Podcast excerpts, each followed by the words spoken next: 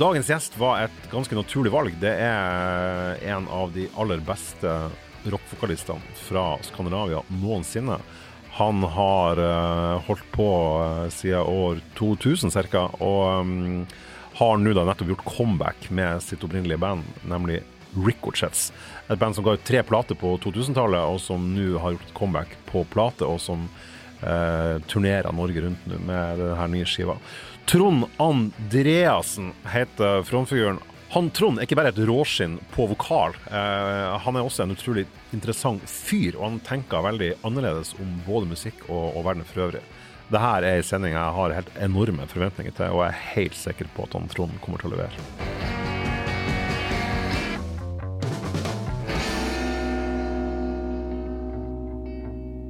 Da er det en uh, veldig stor ære uh, på veldig mange måter uh, å invitere lytterne til en prat med selveste Trond Andreassen. Velkommen til Feedback-podkasten, og velkommen til Tromsø.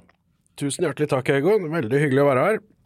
Ja, og det er jo litt sånn spesiell, eh, spesiell uh, bakgrunn til at du er her akkurat nå. Det er for at uh, Ricochet's, bandet du er aller mest kjent for å ha fronta i, i uh, en haug med år, er jo da på turné og en, med ei helt peise ny plate i kofferten. Og spilte altså på Blårock i går for uh, første gang siden 2005, februar 2005. Uh, og uh, du er tilbake på veien. Hvordan, hvordan er følelsen i dag, da, en dag etter konsert med det her comebacket? Altså Det er så lenge siden vi har spilt klubbkonserter. Mm. og ja, selvfølgelig det er dritkult med skive og, og comeback og alt det der, men altså comeback tilbake til klubb ja. Det, det, var et skikkelig høydepunkt, altså. For der skjønner vi jo at vi, vi hører hjemme. Altså, det er jo det vi er vant til. Ricochet så er jo et band som egentlig brukte haugevis av år på klubber. Uh, vi har lang, lang fartstid med klubber, både i Norge og nedover Tyskland, så, eller i Europa. Ja, ja. Så det er vår scene. Det er klubbene, rett og slett. Og spesielt Blårock i Tromsø. Der har vi jo fortsatt uh, massevis av fans og dedikerte. Og det var så opptur, så jeg sitter faktisk og er litt høy på det fortsatt i dag. Altså. Ja, men jeg syns du har all mulig grunn til Jeg sitter jo her med dagens uh, i Tromsø fremfor meg, der feedback-anmelder Rudi Nikolaisen har skrevet en uh, panegyrisk anmeldelse av konserten nå med overskrifta 'Fortsatt massevis av krutt i den gamle tønna'. Og der skriver han i ingressen at uh, det er ikke uten grunn at Trond Andreassen har fått rykte som en av Norges beste rockvokalister. Rickards er tilbake, og ikke for å lage mimrefest eller huskestue. For det var, det var eh, altså, eh, det som er vanlig med sånne her comeback i, disse dager, særlig sånn rockband fra, fra 90-tallet og 2000-tallet, det er at de, de kommer tilbake på festivaler for å sope inn penger som de på en måte har gjort seg fortjente. Og så blir det gjerne med det. Og når de da skal gjøre konserter, så er det gjerne på ganske svære venues. Men dere har valgt en litt sånn annen inngang. Dere spiller på, på, på, på litt mer sånn klubbaktige steder. I Tromsø er det definitivt en, en, en klubb. Er, er det her en sånn bevisst idé om at dere skal vært, ta bandet litt tilbake der det var, da? For dere har jo vært på den festivalrunden for tre år siden. Altså det er managementets idé i utgangspunktet, ja. men uh, altså det det tok oss ikke lange tida å si nei til det og kjøre klubbturné. Altså, det er noe vi har savna, rett og mm. slett. Å være så close to publikum og og altså, det er jo Spille klubb er jo veldig frightening eh, ting. Jeg tror, vi, jeg tror, faktisk vi trengte litt å bli rista litt i filler av, av nerver og, og det her eh, at du må levere, fordi alt blir så nakent, alt blir så tydelig. Du kan ikke gjemme deg bak uh, lys og ja, masse monitorer og ja, hva skal man si, avstand. Nei, jeg kan jo si sånn, For de som ikke har vært på, på, på Blårock på konsert, uh, for de som hører på her, så, er jo Blårock et sted hvor du, du står jo nærmest i publikum, og fra scenen så det eneste du ser er ansikter og kropper. Så du blir jo jævla sånn konfrontert, da. og da, det, da må du levere. Du blir så avslørt hvis du ikke gjør det. Ja, det, altså det er kniven på strupen. Ja. Men det var ikke lang tid før du på en måte var midt i publikum og, og skåla med dem og omfavna dem. og Det var jo litt sånn gjensidig kjærlighet som var Det var veldig rørende å stå og se på. Ja, det var helt Altså, det var det var virkelig eh, jeg håper å si, reis tilbake i tid. Også. Da var jeg plutselig 23 år igjen da jeg sto der i går. Så det var helt herlig. Ja, Det var nydelig. Og så var det jo det var kult å se også at det var både eh, fans som garantert var der for 18 eh, år siden, og så var det også folk som neppe var født da Rico satte i gang. Så det var en sånn Det har Det, det synes dere har fått sopa med dere nye fans òg mens dere har vært borte. Men jeg tenker på de gamle fansa som du sier sto der. Var det de pensjonistene som sto helt bakerst? Sånne pensjonister. Haugevis av dem! Det var noen som var jævlig gamle. Ja, nei, det var, nei, det, og det er jo kult, det. Jeg tenker Rocken er jo på en måte blitt så gammel at, eh, at, eh, at, det nesten er ekkelt at Mick Jagger får barn. Så da, sånn, da tenker jeg at da, da, da, da, er du ikke for gammel til å, til å gå på Rico Chess-konsert heller. Så jeg syns det, det, er kult. Det som er med comebacks, det ene er det jeg sa der med at du, at du gjør en sånn turné, så spiller du på masse festivaler. Uh, også, og det er som regel en god idé. Jeg har vært sjøl på masse sånne comebacks, og jeg er veldig sånn var glad for at jeg fikk sett The Stooges og sånne ting som jeg ellers aldri ville fått, for at de eksisterte ikke i min, min samtid. Men å gå i studio og lage plate er, er, er sjelden en god idé. Det, det, er veldig få eksempel på at comeback-album føles rett. Men med denne nye Ricochet-skiva, som heter Closer to the Light, som, som kom nettopp, så, så så høres det ut som et band som vil noe. Var det en, var det en tung tørn det der med å bestemme seg for å uh, gå i studio og, og, sette et nytt album til Ricochetts-navnet? Hadde du en ambulans til, til å gå inn i den uh, bobla det er å lage album som på en måte skal henge ved, ved bandet?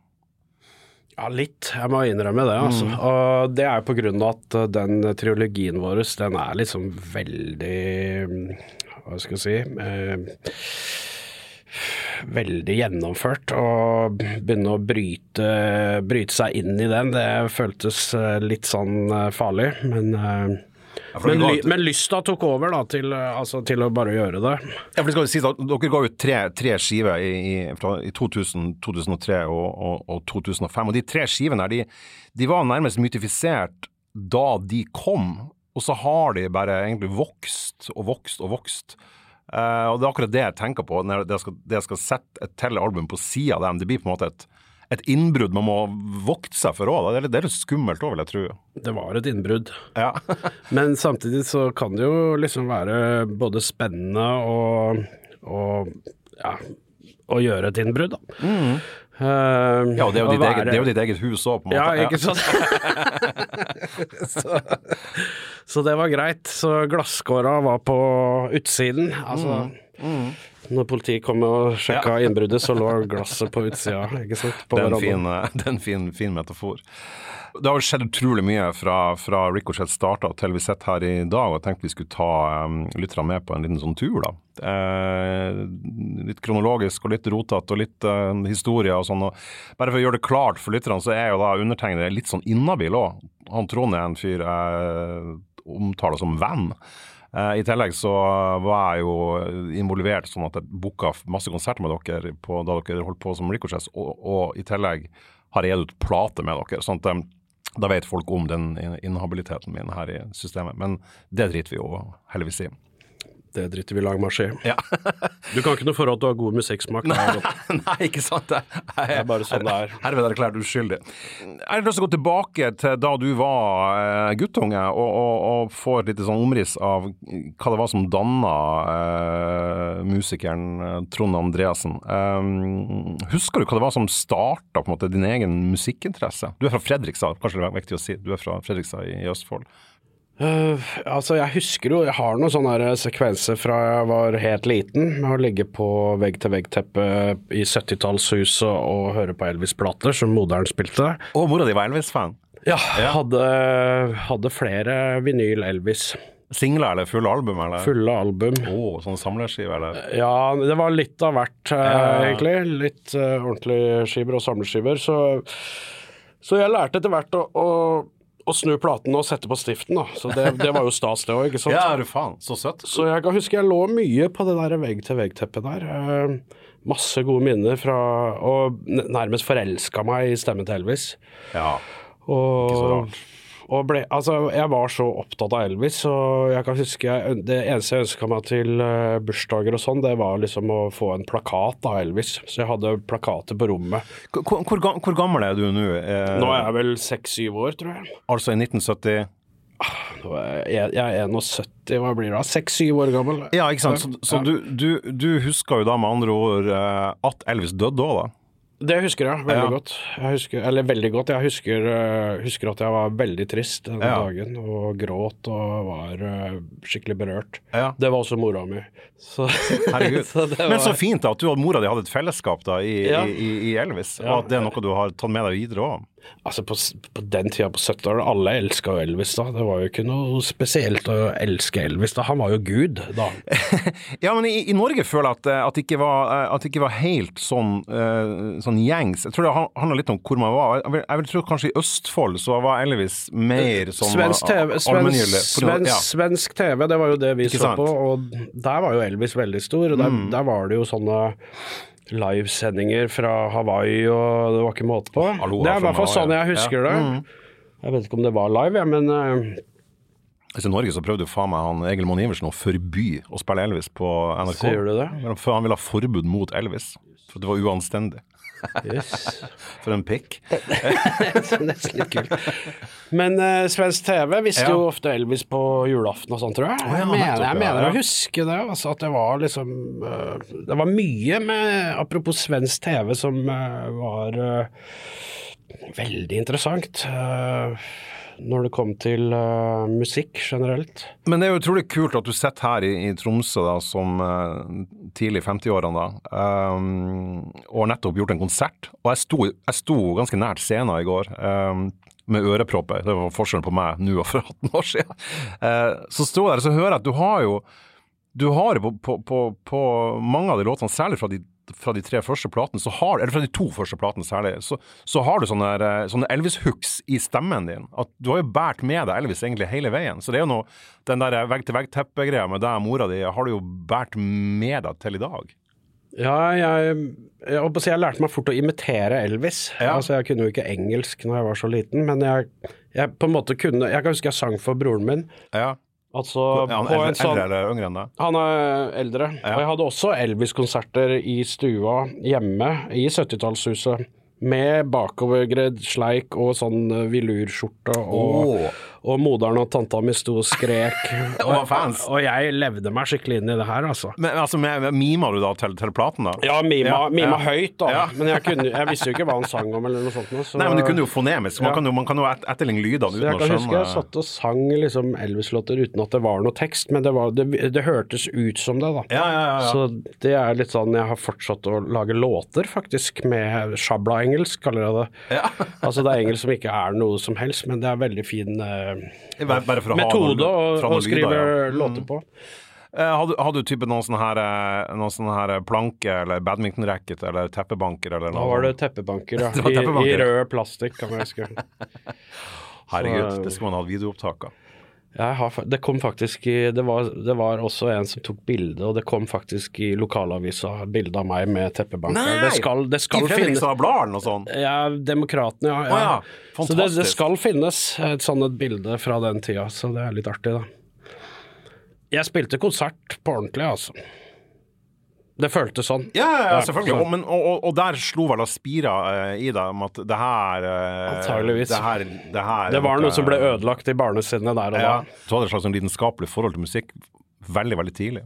Det er, det er helt sant. Og, ja, altså, jeg, jeg har fortsatt det. Altså, jeg har f.eks. vanskelig for å føre en samtale hvis det er en låt som går i bakgrunnen. Ja, for jeg, klarer, jeg, klarer, jeg klarer ikke å la den eh, bare være der, selv om det er verdens dårligste låt, så må jeg høre. Ja. Så, og jo eldre jeg blir, jo verre blir jo det her, da. Med inntrykk fra sidelinja, altså støy og sitte og samtaler. Ja, ja. Jeg klarer ikke å fokusere det ut, så jeg er veldig fokusert på på, så jeg har veldig mye minner fra barndommen, altså nesten litt sånn fotografiske minner fra musikk, altså musikk Som som, knyttet, kom, knyttet til musikk, ja. ja. sånne ferier og masse sånne ting som, hvor det er liksom veldig sterke minner som er knytta til musikken. Har det, har det på nøyaktig samme vis. Sier du Det det? er, helt, helt ekstremt. Helt sånn på grensen til det diagnostisk Ja, ja kanskje, det er noe, kanskje det er noe sånt nå, altså, Ja. rett og slett. Jeg tenkte sånn, De fleste har jo Nå var ikke du i noen opposisjon til, til mora di, hører jeg også, og det er jo veldig fint, men, men, man kommer jo ofte til et punkt der man, der man utvider horisonten sin. da. Um, hadde du noen sånne musikalske mentorer som på en måte tente gnisten din og tok deg videre da, fra, fra, fra Elvis? Uh, ja, hadde flere. Uh, Veldig mange. Jeg hadde jo en tremenning som uh, spilte Electric Light Orchestra. ILO, ja. ELO, som jeg, det, det også var jo når jeg var sånn seks-syv år, og broren min, når jeg ble litt eldre, så sånn syvende klasse, han var jo Pink Floyd-fan, så han hadde jo absolutt alle Pink Floyd-skivene, ikke sant, på vinyl. Oi. ja. Og han eh, likte ofte å spille den her eh, første skiva deres. mest Piper at the Gates of Dawn fra riktig, 1968. Så jeg hang mye 68, ja. Helt 67, riktig. Helt riktig. Og jeg hang mye inn på rommet hans, og han satt med modellfly. Jeg husker fortsatt lukta av modellflylim, olje og flybensin og blå Tidemann-snus og lakrisal. Husker du Ja, lakrisal? ja, ja. Jævlig gode, gode drops. Ja. Jævlig gode. Lakris, ja, ja. Altså, altså det, hele det der, det er sånn et minne da med Fort jeg hører de gamle Pink Floyd, så kommer det minnet Ja, ja, der, ja. ikke sant. Så jeg kan huske på den tida så kalte jeg det narkomusikk. Du var jo ganske nært å treffe, særlig på Pink Floyd og Sid Barrett i, i 1967. For det var ganske Og han ble jævlig sur på meg hver gang jeg sa det, for han sitter og hører på sånn narkomusikken igjen, ikke sant. Så han ble seriøst sur, da. Men eh, jeg likte det òg. Altså, jeg Ja, likte ja. det. Så jeg ble mer og mer glad i Pink Floyd-skivene, egentlig. Men det jo artig at du sier ILO også, for at på debutsingelen til, eh, til Ricochets, som heter Devil Inside, som kom ut på Dead Cool, eller den Halden-lever Nei, det er Fredrikstad-labelet. Ja. Ja. Uh, B-sida på den er jo Don't Bring Me Down, som er en cover av, av en låt ILO har gjort, i hvert fall. Ja. Så du har jo tatt med deg de barndomstingene faktisk også inn Absolutt. i absolutt. hard punkrock, som dere var til å begynne med. da. Ja. Jeg har ikke tenkt på det, men, eh, men du har jo rett i det. Mm. Eh, hvorfor den ble en coverlåt, det vet jeg ikke, men det er jo noe fantastisk fengende rock'n'roll-riff der, som har blitt gjort Helt. av Jeff Lynne i en Absolutt. sånn poppete versjon. Men herregud, den lå jo bare klar til å, å lage en rock'n'roll-versjon av, spør du meg. Ja, for jeg, jeg husker da, da Traveling Wilburys var, liksom det første superbandet jeg, jeg husker mer som Bob Dylan og, og, og Tom Petty og George Harrison, så, så syns jeg det var litt sånn merkelig, og Roy Orbison ikke minst, så var det litt sånn merkelig med, med Jeff Lynne, da, at han var med der. Men så har jeg skjønt i ettertid at det var ikke så merkelig likevel, da. At han, har- Nei, han har absolutt ikke. høy, Altså, høy standing. Da. Altså, Jeff Lynne er Jeg syns han er et geni, og det, det, det syns jo også Paul McCartney. Han er jo den, eh, den Beatles-medlemmet de skulle hatt eh, også, ikke sant. Og bare det at Jeff Lynne produserte skiva til Roy Orbison på 80-tallet, sier jo litt om uh, mannen. Og, Ja, og av de og, og Del Shannon-skivene som han minst produserte. der, han, Tom altså, Petty. Altså, Tom Petty, så Og Bob Dylan. Og Bob Dylan, så altså, han er sto, eh, høyt respektert i, i England og Amerika, men uh, her så har vi kanskje et sånn slags uh, disko-pop-bilde av mannen, men, uh, men bak alt det her så har han noen vanvittig gode melodier, syns jeg. da. Ja. Derfor syns jeg det er kult at, at Ricochets endte opp med, å- med å cover ILO. Da. Østfold og, og, og Fredrikstad jeg, jeg har vært eh, en, en del ganger der da, i, i Fredrikstad og i Halden. da, og de, Særlig de to byene der oppfattes som veldig influert av, av svensk kultur. da, At de, har, de var så nært Sverige at det var egentlig mer De, de sokna mer mot det svenske enn enn mot det norske. Er, er, det en rett eller gal uh, Ja, ja, absolutt. ja. Herregud. Eh, Vi var jo hele tida i Sverige òg, Ikke ikke, sant? sant? Og, og altså, Fredrikstad-dialekt er jo egentlig svensk blanda med norsk. Ja. Så vi er vel svensker egentlig, på, sett og vis. Mens eh, jeg føler at svenskene har hatt eh, en lengre musikkultur enn det vi har hatt. Og Uh, altså musikkultur uh, Fra påvirka Bell, Bellman og helt bak, fra bak dit. ja, da. riktig. Ja, ja. Og hvis du fortsatt, hvis du drar på et nachspiel i, i Sverige da, så sitter de faktisk ti mann rundt bordet og synger. Ja, det er jævla Det er helt sjukt. Veldig.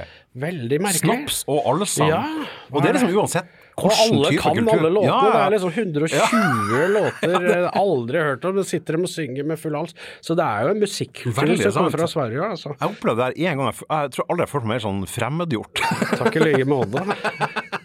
Kan ikke, har aldri hørt låtene før. Flotte sanger. da. ja, ja, absolutt. Så, så det er i hvert fall én ting, da. Og, så, og Sverige for oss var vel litt sånn litt uh, lille Amerika òg på den tida.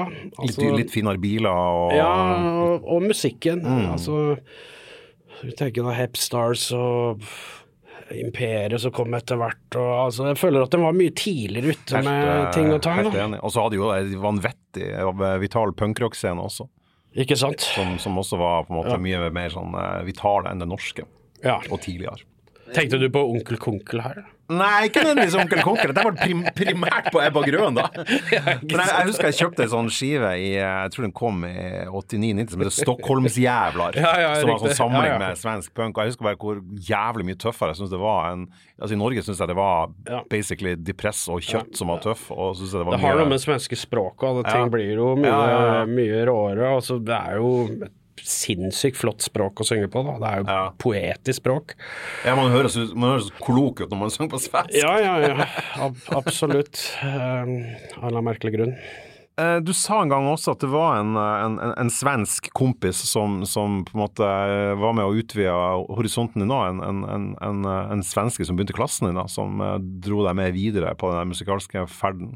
Og, det, og, der har vi det igjen, liksom, at vi sikta mot Sverige, og, svensker var kule, ikke sant. Mm. Og når det plutselig kommer en fyr inn i klasserommet i syvende klasse som er fra Gøteborg, så er han jo allerede den kuleste i klassen. Ja, det er sånn motsatt eh, av hva man skulle tro, egentlig. Ja, ja. ikke sant. Så, og, og, i det tilfellet her så har jo han fyren her, Tommy heter han, og han han har, eh, han har jo kofferten full av masse fet vinyl da, som han har hatt med seg fra oh, LP-er. Han ja. han var ekstremt musikkinteressert. Jeg har lært så mye musikk han, av han. Hva han heter han? heter Tommy. Tommy ja. Også spilt, vært vokalist i flere punkband. Oh, ja. Også et punkband jeg har spilt i. Trommer i. Ja, du, du startet som trommis. Det skal ja. jeg komme tilbake til. Ja, ja.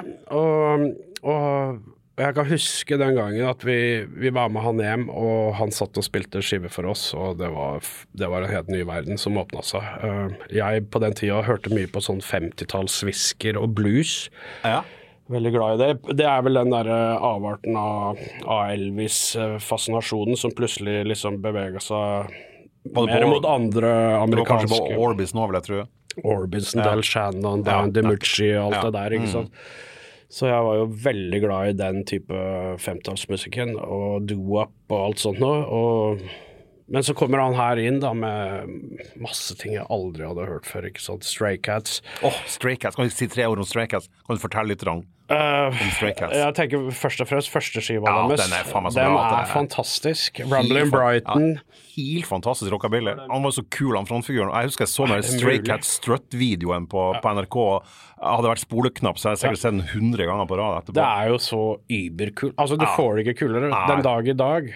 Og så Wild Saxophone, altså den låta her hvor det bare ja, det er så vilt. Altså, det som er så fett med Strayka, spesielt på den skiva der, at de har på en måte blanda inn en sånn slags stump, eh, mm. swing, eh, som, eh, som, ikke er å høre på de andre rockabilly-skivene deres. At det, den er mer primitiv. Uh, den har liksom uh, lyden av uh, litt punk, rett og slett. Definitivt. Ja. Det, det, det, føles, det føles i hvert fall som det er sånn punkrock-attitude. Og så føler jeg at de har kommet til å skive, altså. så føler jeg Hvis det har kommet noen punkrockere inn i studio, så har de kommet til å få rundhjuling av mm. Straycast, hvis du skjønner. Det er noe sånn Ti ganger kulere. Det er noe sånn badass-kult med de som er bare Den var jo bad. Altså, ja. Clash og alle de her så jo opp til Straycats. Ja, ikke sant? Ja.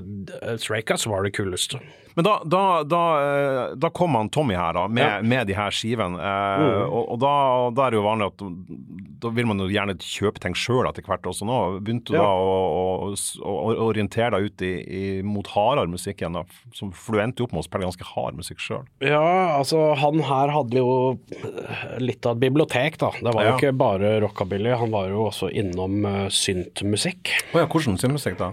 Det var Kraftverk og Kraftverk, ja. Kraftverk og, og Divo, sånne type New ah, Age Divo, ja, men Divo er jo veldig, veldig, veldig, veldig, kult, ja. De er jo veldig sånn sjangerløse, egentlig. Ja, ja Mongoloid med Divo er noe av det kuleste jeg har hørt. Dødstøff, ja. uh, synt, uh, skråstrek, uh, punkrock, liksom. Mm. Så, så, det var vi veldig Altså, det var så mye kult. For en gave å få han fyren der inn i livet sitt. Ja, absolutt.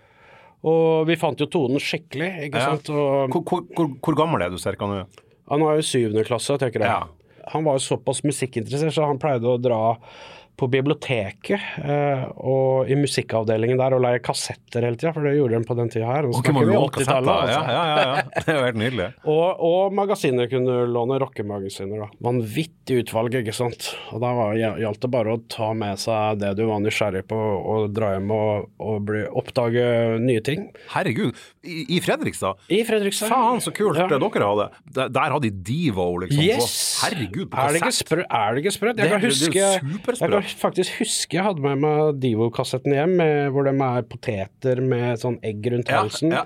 det var coveret på én. Så kan jeg huske det gule Jeg tror faen meg de hadde kopiert coveret og så satt inn i kassetten, skjønner du. Jeg kan huske det gule coveret på Computer World med Kraftverk. Med kraftverk, ja. Ja. Så jeg, jeg husker bare å sitte hjemme der og se på de kopierte bildene og, og spille eh, kassetter. Det var helt, helt, Helt vilt. Og de hadde et stort utvalg, altså. Herregud, det var Hadde faen meg det som var, altså, musikk. Herregud, et, et slags analogt eh, Spotify da, dere har tilgang Virkelig, på. ja, virkelig. ja. Og, og her gjaldt det jo å finne skattene, ikke sant. Fordi du, du ville være den som oppdaga det først. Det kule, så da ja, du kunne be gutta hjem og bare høre på det her. Det her har jeg funnet, ikke sant. Fy faen. Så det, det gjaldt jo å være smart ass og finne det som var det cooleste. så det var en sånn litt sånn konkurranse der, da. Faen, hvor heldige dere er. Det, var, det er sånn som sikkert skyldes at det var én eller ei som var jævla øh, progressiv, da, som jobba på biblioteket i Fredrikstad, som tok tak. Antageligvis. Jeg kan ikke huske at det var sånn der jeg vokste opp. Altså, i det. Antageligvis. Det var uh, utrolig flott uh, musikkbibliotek den gangen. Men jeg tenker på, du, når, du sier, når du sier Stray Cats, uh, så, så uh, Og når du begynner å søke mot litt sånn hardere musikk, med egentlig fortsatt med veldig mye røtter i, i 50-tallet, så, så er det et annet band som, som jeg, jeg er nesten sånn sykelig opptatt av, nemlig The Cramps. Som, som jeg også alltid har tenkt på at ligger i DNA-et til, til Ricochets. Var det et band du ramla over på denne tida? Ja, absolutt. Eh, Det var når vi kom Altså, vi kom over de her postordreblekkene, eller katalogene, eller hva jeg skal kalle det. Om det var noen stensilerte kopiark, jeg husker ikke. Ja, fra det- hvordan, husker du hvordan sjappe? Ja, det var Rune Halland, er det Rune Halland, ja. Cruising Records, tror jeg det heter. Riktig, er det det det var? Og Ja. der var det et vanvittig utvalg i altså roots, eh, Ja, gåseøyne, Stemmer det. musikk eh, først og fremst. Og vi var veldig glad i doo-up òg på den tida der, så vi fikk jo tak i masse doo-up-musikk. og Men også syntmusikk, og, men spesielt altså rockabilly. Ja, for det var det han var liksom best på. Ja. Ja. Rockabilly, det var Så han det tok vi en cramps, altså, Rune Så vi jakta på det, og der var jeg mener Cramps og Meteor, Meteors, Meteors, og, ja. og alt det her. Ja. Psychobilly, Deathabilly Ja. Det var ikke måte på. Og det var jo kult, da, fordi også bak artisten sto det liksom sjanger, da. Så Ja, var det ja, ja, sånn Sydeco, eh, samba, Deathabilly. Ja, ja, ja, ja. Det var jævla viktig, de her, de her postordrekatalogene. Jeg drev på med Hadde det du dem òg? Ja, jeg, jeg, bestilte jo da derifra, og, og senere fra, fra Rockshop Ja, og, ja. og ut, uh, Utopia. Altså lå jeg Mm, på Pilestredet der, og fra de, sjapp, de bra sjappene i Oslo, da. Vi var også nedom der og ja. handla. Mm. Så det var jo en sånn her Men da måtte man jo på postord måtte man jo ta litt sånn sjanse og, Ja. og kjøpe Det er mye rart man sto, eh, endte opp med noen ganger. Men da satt man jo også nylytta på det for å finne noe bra i det, og, og, og det fant man. og ga det mange sjanser. Ja, ja. Mange runder. Plutselig så satt det et Ja, eller annet der. Ikke sant? Ikke noe skipping der i går.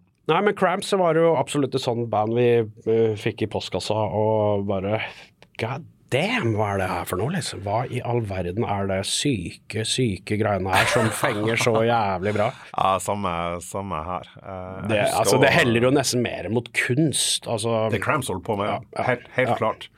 Eh, jeg husker dere spilte på Buktafestivalen, så åpna dere faktisk en konsert med å spille New Kind of Kick. Mm. En av de første innspillingene til The Cramps.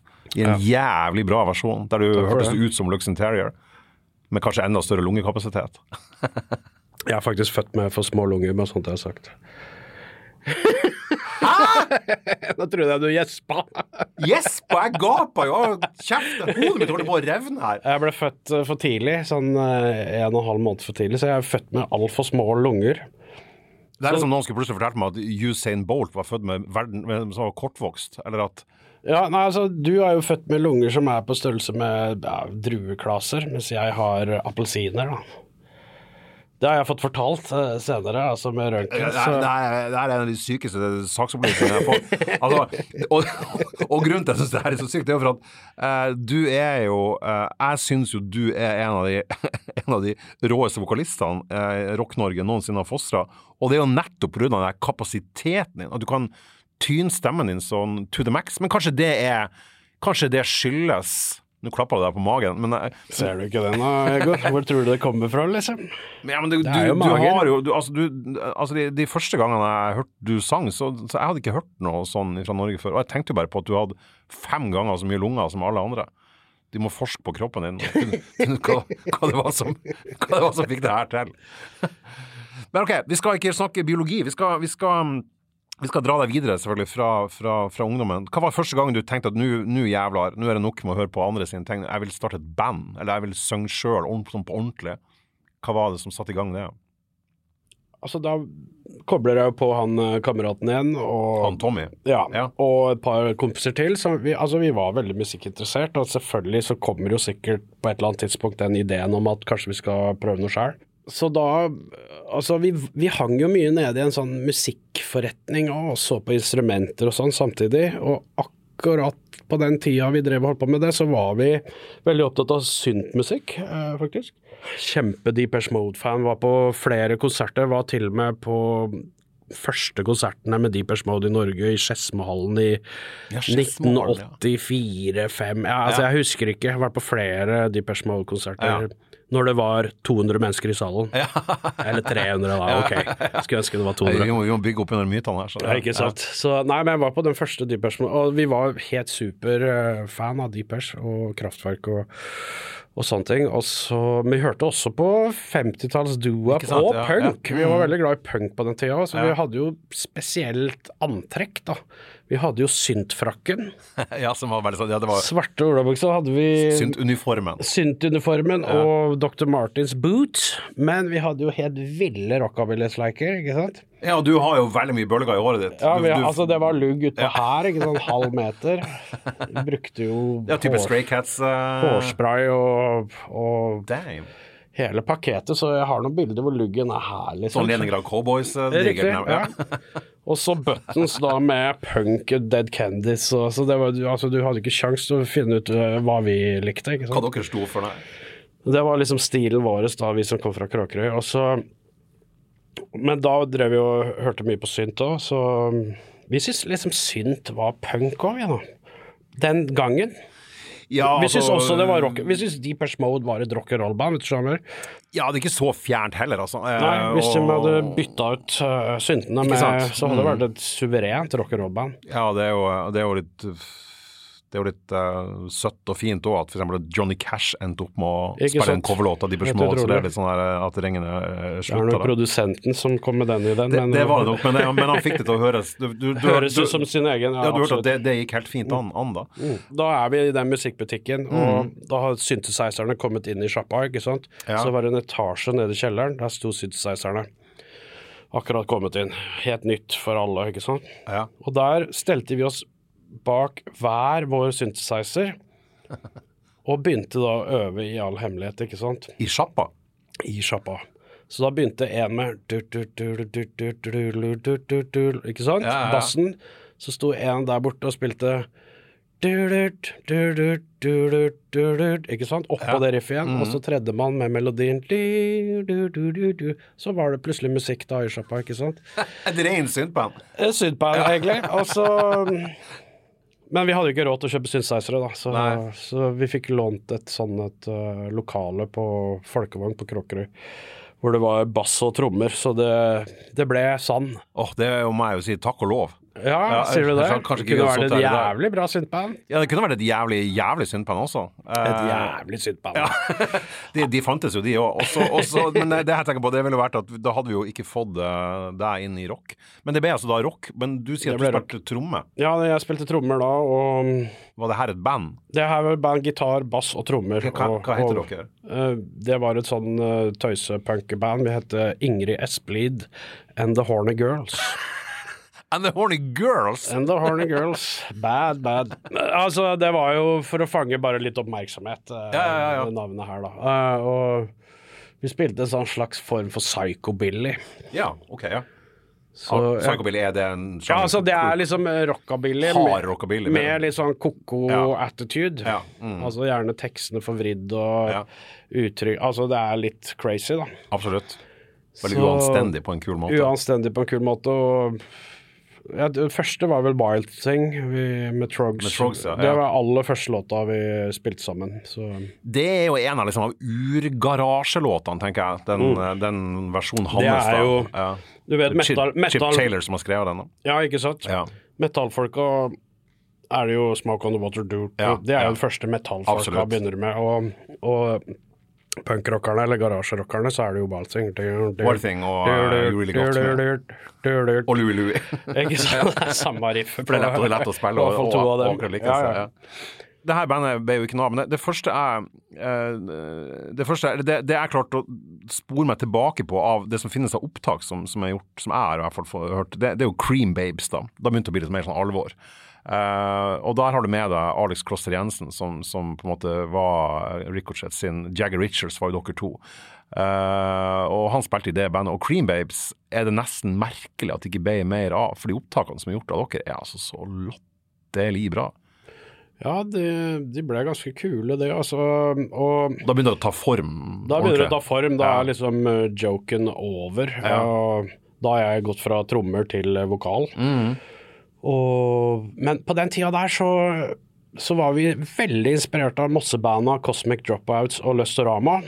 Ja, må Så bare vi- sky- skyte inn til folk der. Hvem, altså, for det var, det, var, det, det var en fyr som heter Arne Eller er en fyr som heter Arne Tellin. Ja, eh, som betydde helt sinnssykt mye. Som starta plateselskapet Ah, ja. Entertainment. Og han signa jo alle de her bandene, eh, og spilte jo i flere av dem. Eh, både Cosmic Dropouts og Lustorama. Og jeg, jeg, jeg ser et sånn liveopptak med Cream Babes som ligger ute på YouTube, og da høres det ut som en kopi av Lustorama. Det er jo akkurat det Cream Babes var. Ja. Altså, vi bare så mot eh, de, eh, idolene våre og kopierte dem. Det var jo Ja. ikke noe mer enn det. Nei. Og Arnte Lien var jo en stor helt for meg som vokalist. Det er, Mm. og det er jo få som synger med den råskapen, den der eh, sinnssyke, tøffe måten å uttrykke seg på. Han bor i Montenegro nå, han, og har begynt å gi ut plate igjen. Og det er utrolig kult. Så det er veldig artig. Bandet hans heter Dang med tre utropstegn. Absolutt sjekke ut. Um, uh, jeg har et sånt opptak med, som jeg, som jeg lasta ned i sin tid. Jeg lurer på om det var fra MySpace, eller hvor faen jeg fant det. Men det er en låt som heter um, Out of the Blue. Med, med Cream Babes. Ja, som er, det ville vært, vært en av de beste Ricochet-låtene. Jeg syns den er helt latterlig bra. Og der synger du Ja. som i Ricochets. Kanskje vi skal, Ricochet skal gjøre en cover av den. Ja, det er jo vært egen låt. Ja, det har vært, det har vært veldig, veldig kult. Jeg har ikke hørt den på evigheter, så Men uh, jeg skal ta deg på ordet og så sjekke det ut. Ja. Men, men hva, hva, hva tid er det det blir Ricochets, da? Det er vel Altså, Creebase øh, blir jo på en måte oppløst, eller hva skal jeg si. Vi flytter jo, eller Alex flytter vel litt til Oslo, jeg flytter til Bergen, og så er jeg der en liten periode, så flytter jeg til Oslo igjen. Og Hva du skal gjøre i Bergen, egentlig? Jeg hadde planer om å bli forfatter. Hey. Jeg hadde begynt å lese bøker av Jack Carrock og Charles Bukowski. okay. ok. Jeg gikk rett i fella. Jeg gikk rett i fella.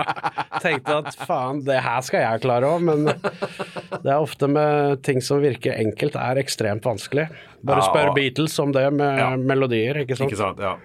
Så, Men altså, det, den Bukowski, Jack Kerouac-drømmen gikk fort i tusen knas, og så var det da tilbake ja, altså til det, eh, I den kåken jeg eh, leide i Bergen, så sto det en kassegitar, og det ble Ah. til at jeg la fra meg skriveriene og tok gitaren. Ja. Og begynte å lage melodier, og det var den første melodiene til uh, Ricochets uh, Slow Mo Suicide-albumet. Du- Sier du altså, det, altså? De- altså, bare hør på tittelen Slow Suicide. Det er jo, så det er jo Charles Bukowski ut av dager, ikke sant? ja, veldig. Og, og, og de tekstene er jo ekstremt mørke. Og det er jo, eh, og det er jo veldig gøy da at det er unnfanga eh, på en hybel i Bergen. På en Ikke alle, men, Nei, men, men det- det- men det- over halvparten av låtene ble det der, ja. Mm. Så du er altså tilbake da i Oslo uh, og hooka opp igjen da med han uh, Alex, den gamle eh, kumpani fra Cream Babes, og så begynner det som er starten på, på bandet Ricochess. Hva er et slags årstall er vi nå? 97-98 eller noe sånt? Der i høyre? 97-98, ja. Høres Ja. Mm. logisk ut. Ja. For jeg, jeg, jeg husker altså, eh, og det her er litt sånn vesentlig for, for, for, for, for hvorfor jeg ble så jævla stor fan av, av, av bandet ditt. Uh, og det var han Kristoffer Schou sendte meg en kassett som han hadde eh, fått tak i. Etter faen hvor han fått tak i den kassetten. Eh, og der er altså uh, seks låter som er spilt inn i et øvingslokale, rett på en kassettspiller. Det var rett og slett noe av det tøffeste jeg har hørt i hele mitt liv. Eh, og det her var jo før mobiltelefontida, for min del i hvert fall. Og jeg, jeg begynte å ringe rundt for å få tak i dere. Og så fikk jeg tak i han Alex Klosser Jensen til slutt, da. Og så, og så bare sier sånn Det her er så bra at eh, det er det beste jeg har hørt i hele mitt liv. Finnes det noe mer? Så har, dere, har dere spilt inn i full skive? Nei, ikke, har dere gitt ut noe? Nei, vi har ikke Så jeg, jeg gir det her ut, sier jeg. Uh, og så sier jeg ja, OK, hvem er, hvem er du, liksom? Nei, jeg var, jo, jeg var jo ingen. Nei, jeg er ingen, sa jeg. Ja, hvordan, hvordan plateselskap har du? Nei, jeg har ikke plateselskap, men jeg skal lage et. For det her må ut. Og det, og det gjorde jeg, da. Så trykte jeg 500 eksemplarer av det, det som ble da eh, andre singel. For det var en annen fyr i, i Fredrikstad som fikk de fire første låtene, så fikk jeg de Nei, de to første låtene, så fikk jeg de fire neste. Det var egentlig tilfeldig at den ene ble første, og den andre ble andre singel. Men jeg trykte den i 500 eksemplarer på, på fem forskjellige farger. Nå er den blitt sånn samlerobjekt i ettertid. Eh, men jeg var altså så fan. Det var så vilt. Det, det, det, altså, jeg hadde ikke hørt noe så desperat gitt ut i Norge noen gang. Og det var som, altså Samtidig så pågikk det en sånn bølge av av liksom undergrunnens garasje punkband fra USA, fra spesielt to plateselskap som heter Crypt og Estrus. Eh, eh, og det her hørtes ut som det beste bandet på begge de to etikettene. Og det var særlig selvfølgelig den Devil Inside er, jo den, en låt som også endte opp på, på, på debuten Slow Mo Suicide. Men jeg, den, den der, der sjokket der, eh, det er et av de største rocksjokkene jeg hadde i hele mitt liv. Og jeg ville ikke gjøre noen ting med lyden. Jeg ville gi det ut nøyaktig sånn som det lå på den kassetten, som det da også ble, ble gjort. Eh, og folk elska det jo. Det var så lett å selge. Det var bare å sette på, så solgte ti ekstra singler med en gang. liksom. Det, altså, det hørtes ut som dere var et sånn fiks ferdig produkt. da. Var dere det? Ja, altså jeg og Alex, eller Alex og jeg, hadde jo på en måte forska litt på hvor vi ville. Vi, sn vi, altså, vi snakka veldig mye om uh, lydbildet, og vi hadde en sånn slags teori Ja. På det før vi egentlig For vi hadde jo erfaring med det vi hadde gjort eh, med Cream Babes, og, men der var vi jo blåkopier av Mossebanda, ikke sant. Så vi. Mm. vi ville jo lage noe nytt. Jeg kan huske vi brukte mye tid på puben og snakka om For det var jo altså før vi fant bassist og trommeslager, så hadde Ja. vi en teori på hvor vi ville, og Ja, på den tida der så var det jo masse ting vi var blitt glad i, som Nina Simone og Jacques Brel og Ja. Scott Walker og sånne ting. Da. Litt sånne her sofistikerte ting som vi ville blande inn i den her garasjebiten. Og derfor skilte dere dere veldig ut også. Nettopp pga. at dere Ja, var altså, sånn og så var det, jo, var det jo liksom. veldig mye, som du sier, fra Amerika på den tida. Mye sånn cockrock og den type liksom punkrock-stilen. Så vi tenkte faen, hva med å hva med å liksom spille Altså, hva med å bruke det her gamle blues-prinsippet med å, gå skikkelig dybden på følelser på den riktige måten, altså. Misforstå meg rett. Altså. Ja, jeg mis- jeg misforstår det definitivt rett. Eh, så- Og det var jo masse, det var jo masse Elvis i det her òg. Ja. Det er jo til og med en coverlåt der òg, som, som Elvis også har gjort, som er blant de seks låtene som endte opp på den, på den singelen min. Men, men jeg husker bare det som så, som så spinnvilt, og ikke minst når du sier at dere ikke hadde trommis, men han, han som da spiller på den kassetten her, som også spiller på debutplata deres, som heter Ole Bjerkebakke. Jeg hadde jo i fortid Kadaver, det, det metal, death metal-bandet. Uh, og han slår jo også så jævlig vilt. Ja. Og det går så fort, og det er så hardt, og det er så presist, og det er så desperat. Og det høres ut som dere skal dø i hver låt. Det, Ja. det er så latterlig bra. Uh, jeg, jeg, har, jeg har ikke hatt et større rocksjokk av norske band, tror jeg, noen gang, som de her, den der kassetten der. Og det som skjer da, um, bare for å fortelle litt sånn kronologien her, det, det er jo da at dere blir en, en snakkis veldig fort, Ricochets. Eh, de to singlene kommer ut, og, og, og alle begynner å snakke om dere, og dere vinner noe sånn her Zoom, som da var en sånn NM i rock-aktig sak som, som ble som konkurranse. Og så begynner plateselskapene å gjøre seg lekre for dere, og, og, og alle i anførselstegn ville liksom signe Ricochets. Husker du mye fra en tid her? Var, var det en veldig sånn medvindsfølelse i bandet før dere hadde signert kontrakt? Ja, før vi signerte kontrakt, spilte vi uhorvelig mye konserter eh, Mm. i Oslo og omheng. Altså, det begynte, Folk begynte å like stæsjet vårt, da, fordi det var jo litt sånn nytt i forhold til alle macho-rock-banda på den tida. At vi på en måte brukte sånne litt ulovlige ting som eh, som litt sånn svulstige, følelsesmessige greier. Altså Ja, så var det ikke masse tatoveringer og Nei, vi, de her vi kjørte liksom skarpt snitt og, Ja. og, og dresser og hadde en helt annen attitude. Virkelig. Uh, og folk begynte å like låtene våre, så vi spilte på haugevis av klubber, og det kom flere og flere folk, og folk begynte å snakke om hvorfor har, ikke, hvorfor har dere ikke platekontrakt. Men så hadde vi også på den tida litt dårlig rykte, for vi var ganske crazy. Ja. Så det er ikke til å stikke under uh... Nei, det er virkelig ikke til å stikke under en stol. Så det var vel noen plateselskap som kvia seg da for å signe oss, at vi hadde fått allerede litt sånn dårlig rykte der. Ja. Og av ganske ekstremt utagerende festing. Det går an å si det uten Ja, det er lov å si det. Ja, ja. Jeg husker veldig godt at um, det var sånn bylarm i Bergen i 2001. Eh, og på Bylarm da, så, var, så, var, så kom jo Der skulle dere spille, og så kom jo alle de her plateselskapene og skulle liksom sign, sign Ricochets. Et av de var danske uh, Bad Afro. Og Bad Afro hadde på denne tida gitt ut liksom Flaming Cyburns, Glucifer, Helicopters, Turboneger. Eh, de, hadde, de, hadde, var, altså de var på en måte et veldig sånn vektig eh, nordisk plateselskap, og de skulle gi ut en fullengder, og de hadde pensla seg inn på, på, på Ricochets. Eh, det møtet med Bad Afro, eh, det endte opp Det ble en singel av det, men noen platekontrakt ble det ikke. kanskje ikke så rart. Nei, og det artige er at han, han Lars Krogh, han som, han som, eh, han som ga ut den, den singelen, og som var Bad Afro, og for så vidt er Bad Afro den dag i dag, han ga ut singelen, og så skriver han på baksida av singelen hvorfor det ikke ble noe platekontrakt med, med Ricochets. Og han skriver da om møtet med Ricochets på Bylarm i Bergen i 2001. Kan jeg, kan, jeg har oversatt det til norsk. Jeg tenkte jeg skulle lese det til, til lytterne våre. Går det bra for deg? Ja, det går helt fint. For det er jo ikke hemmelig, tenkte jeg, i og med at det er gitt ut. Nei, det er så lenge siden, Ja. så det går helt fint. Det her er altså da eh, Lars Krogh som forteller om da han skulle signere platekontrakt med Norges nye store eh, rockhåp.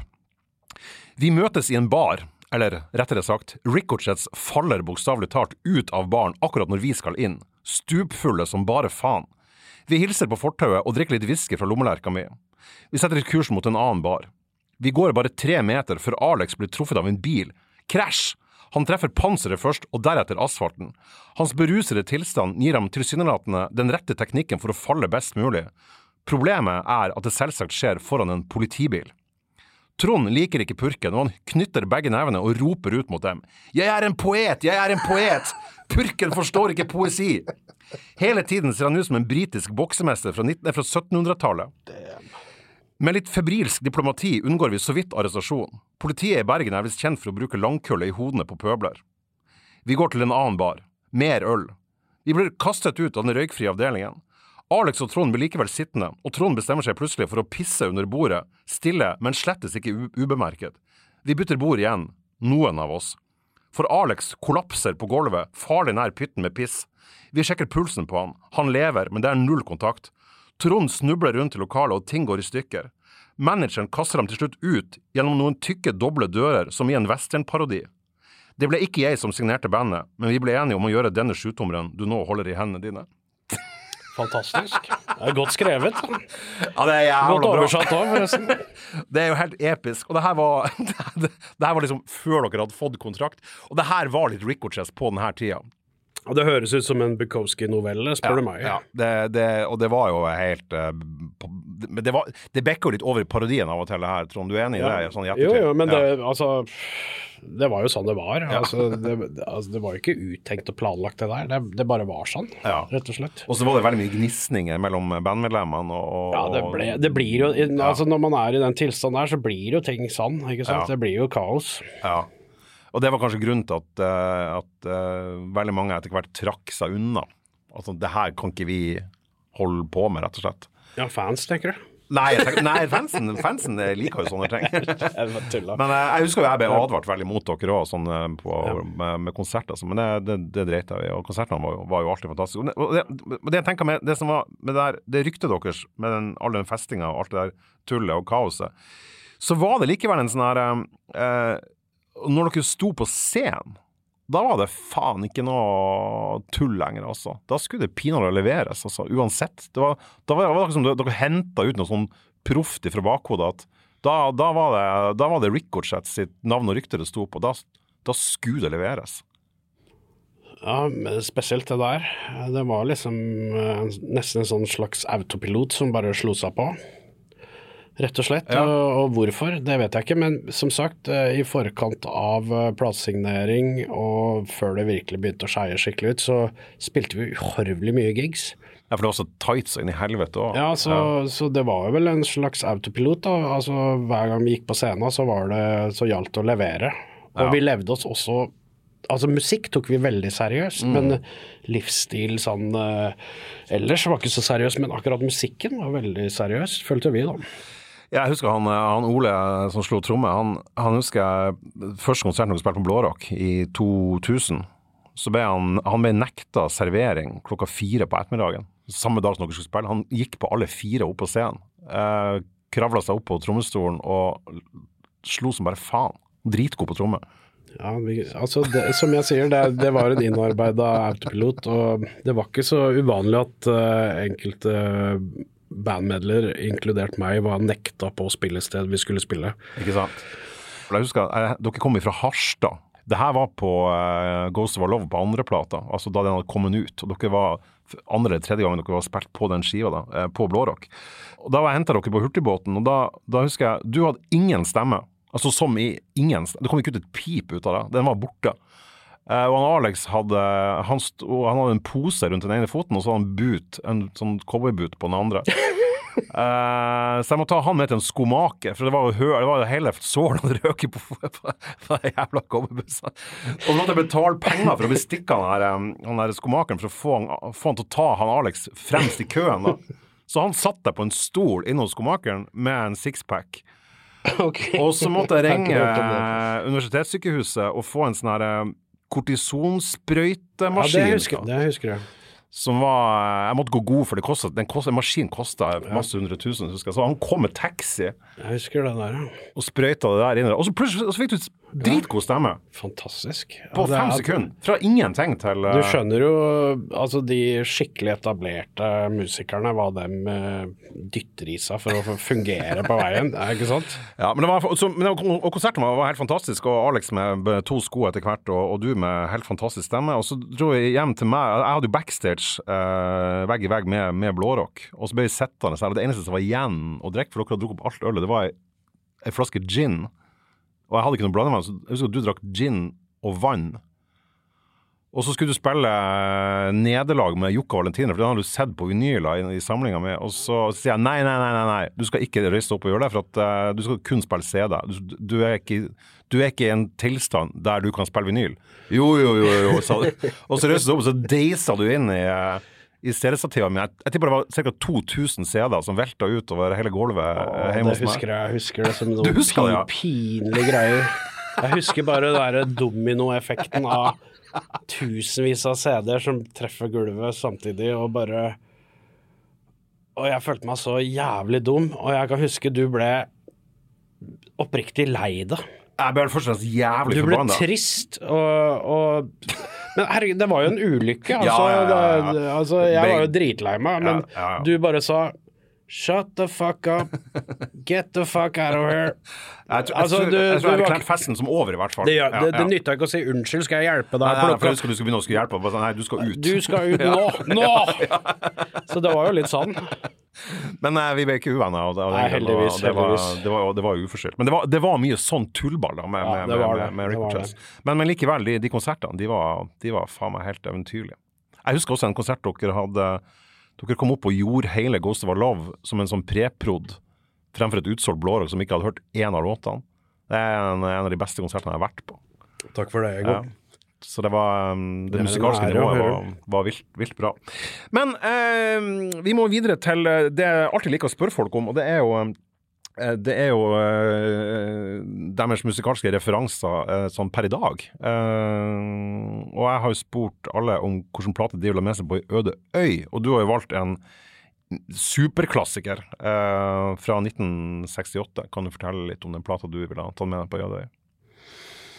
Det er et merkelig album eh, av Lee Hazelwood og Nancy Sinatra. Nancy and Lee heter vel uh, plata bare. Og det er vel Lee Hazelwood som har produsert den, antar jeg. Det har jeg ikke sjekka opp. Um, Jo, det er, selvfølgelig han Det må jo være det. Ja, ja, det er han som produserte. ja. Og det er en sånn merkelig plate med typ countrylåter blanda med orkestermusikk og psykadelia. Mm. En typisk 70- eller 10, sen 60, mener jeg. 68 kom det vel ut, ja. Mm. Ja, litt sånn mm. Det var det soundet som gjaldt da. Og, Men det som var spesielt med den, er vel eh, altså koblinga mellom den mørke stemmen til Lee Hazelwood og den uskyldige stemmen til Nancy Natra i en sånn derre merkelig psykedelisk eh, landskap, og med litt sånn Morricone, filmatisk, Ja, eh, litt sånn eh, er skjeve veldig enig, ja. 68-filmer-landskap. Så eh, en liten film av en plate, hvis det er lov å si det. Ja, det er skikkelig lov å si. Den er, den er veldig Den er veldig skummel òg, syns jeg. Altså, Veldig eh, skummel. Som Velvet, som Velvet Morning, den ene låten på den plata. Det, Det er det er kanskje mørkt. verdens skumleste sang. Ja, er- Aner ikke hva den handler om heller. er. Dritskummel. Jeg kan være enig i det. altså. Og så er det Men veldig fascinerende. helt enormt. Å, herregud, for noen sangprestasjoner. Av, av, av, av begge to, ikke minst. Ja, altså, ja, Lee. Hazelwood er jo en av mine store, store helter, og en av dine òg, vet jeg. Eh, men det var jo han som på en måte Han ble henta inn av faren til Nancy, den enda mer kjente Frank Sinatra, for å få fart på, på hennes karriere. Og det, det Jeg trodde det var motsatt. Eh, Det er, altså Der har vi myter igjen. Ja. For jeg hørte at Frank Sinatra da sendte mafiaen etter Lee og Nancy, at de var på flukt fra mafiaen og kjørte gjennom Amerika da med mafiaen etter seg spilte på kroer for å, å få penger til å bensin og reise videre. Altså Det er jo ren myte, ikke sant?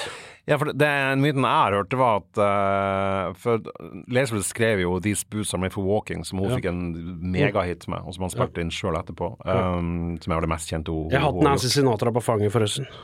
Jeg må si det. Forresten! Fortell! I helvete! Hva tid? Nei, det altså, det ikke var en- 1968, dessverre. da. Nei, det var ikke det. Nei, det var når hun spilte på Øya. På Øya? ja. Ja. Så kom hun inn backstage, og jeg mener hun hadde hørt å spille, for hun snakka noe om at hun syntes jeg sang bra. Og jeg kan huske jeg tok det som et skikkelig kompliment. Herregud, Nancy Sinatra sier og at du satte spilte på fanget, og en kamerat fikk tatt bilde, så jeg, var litt stolt. jeg er litt stolt av det bildet. Ja, du faen! Klart du er stolt av det. Og på det bildet så har jeg fått Lee Haleswood til å, å signere. Hey, it's you and Nancy. What's she doing there? det var det han sa. Du har bildet, og det har Lee Hazelwood signert. Herregud, det her er jo helt Det var på Gamla i Episk. Oslo etter konserten med High Lamas, han hadde på Oslo konserthus. Ja, ja. Så var det tribute-band fra Halden, selvfølgelig. Er ikke det genialt? Er det Og det, det det- var jævlig bra. Det var nesten sånn som jeg sa til de som Velvet Morning, eller? Ja, jeg, jeg tror det. Ja, Med han Trond Asker på Ja, vokal. stemmer det. Ja. ja. Og da mener jeg jeg sa til Jesved jeg syns, jeg syns kanskje tribute-bandet var litt bedre enn deg. Og da holdt han på å le seg i hjel. Og så visste jeg om bildet, da. Jeg tok jo med, for jeg Ja. hørte at han skulle komme på Gamla, da, så Ja, det var artig. Herregud. Verdens beste anekdote jeg Ja, det var nå gjennom alle tider. Men den, den myten du sier med mafiaen, altså det jeg hørte, hørt, det var at, det var at um, uh, Lee Hazelwood uh, fikk Nancy til å synge de spusene med for walking, og så, så sa han nei, du synger altfor snilt.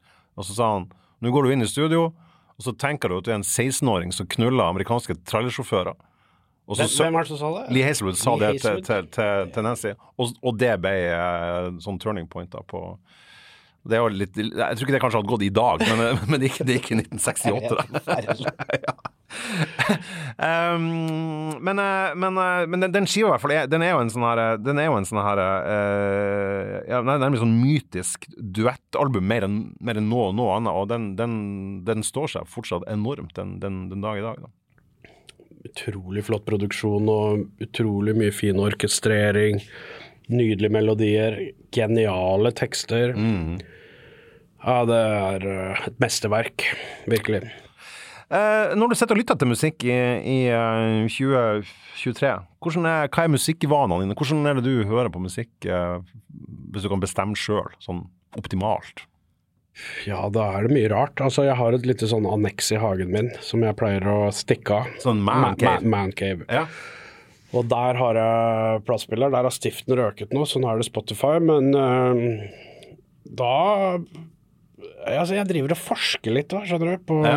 og jeg prøver å finne Akkurat som vi gjorde med de kassettene, skjønner du. Er på biblioteket i Fredrikstad. Ja. Ja, mens nå er det på Spotify, og da prøver jeg å lete steder hvor ingen andre leter.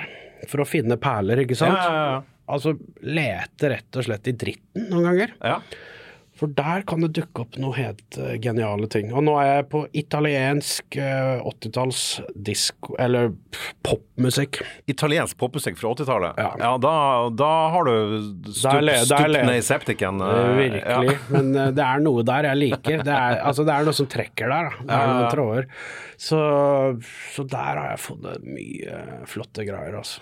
Du, du kan jo prøve um, eh, soundtrackene fra italienske westernfilmer fra, fra 60-tallet, og for det er jævlig bra. Ja, det vet jeg. Det har jeg hørt masse på siste året. Men det er liksom coolt. Jeg prøver å finne noe som ikke er coolt, men som, som på en måte treffer deg likevel. Når du da setter, da, da spiller du, du primært spiller du vinyl da. Setter du på hele plata og lar de spille, mens du sitter der og ikke, røyker sigg og Ja, eh, jeg prøver å ha respekt for eh, for, eh, For kunsten, ja. For kunsten, ja.